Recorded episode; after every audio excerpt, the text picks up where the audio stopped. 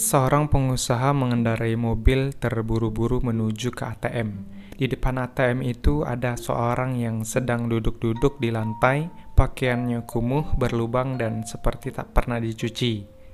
Sorok matanya menunjukkan orang yang tidak mempunyai harapan. Di depannya ada sebuah gelas berisi uang. Ya, dia adalah seorang pengemis.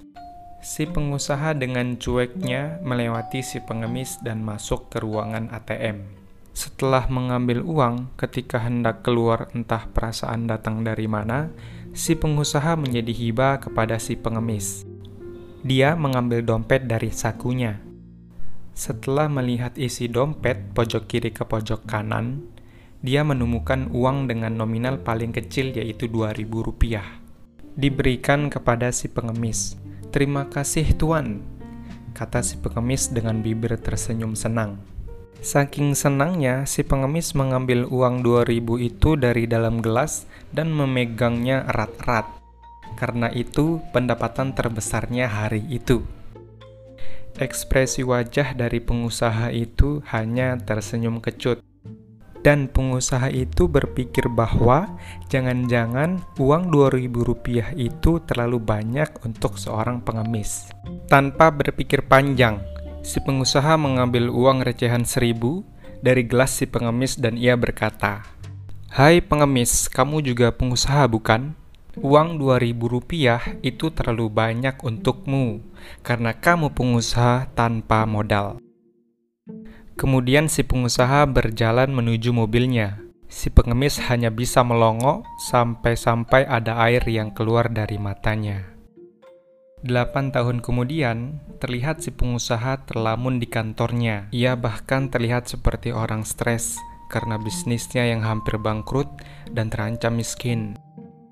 Ketika sedang melamun dalam kesedihan, tiba-tiba seseorang mengetuk pintu ruangan pengusaha itu. "Ya, Silakan masuk, kata si pengusaha. Tamu misterius pun masuk, lalu dipersilakan duduk. Siapa Anda? Ada maksud apa Anda menemui saya? Sepertinya saya tidak ada urusan dengan Anda, tanya si pengusaha. Tanpa bicara panjang, seketika itu langsung tamu itu mengeluarkan uang ratusan juta untuk diinvestasikan ke perusahaan si pengusaha. Si pengusaha kaget dan melongo.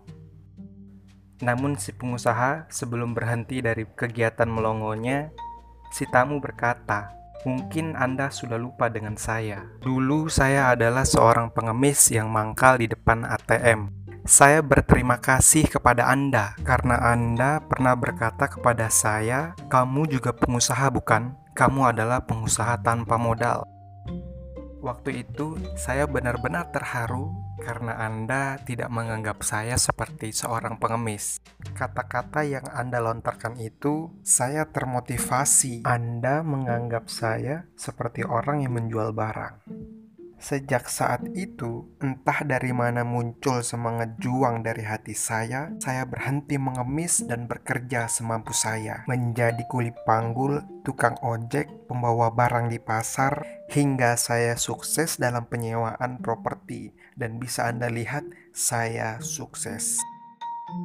Seketika itu, si pengusaha berdiri menepuk si pengemis itu dan berkata, "Wahai saudaraku, motivasi tidak akan berarti tanpa kemauan dan kerja keras. Delapan tahun yang lalu, di balik sosok seorang pengemis, ada jiwa pengusaha yang profesional. Sukses selalu, wahai saudaraku.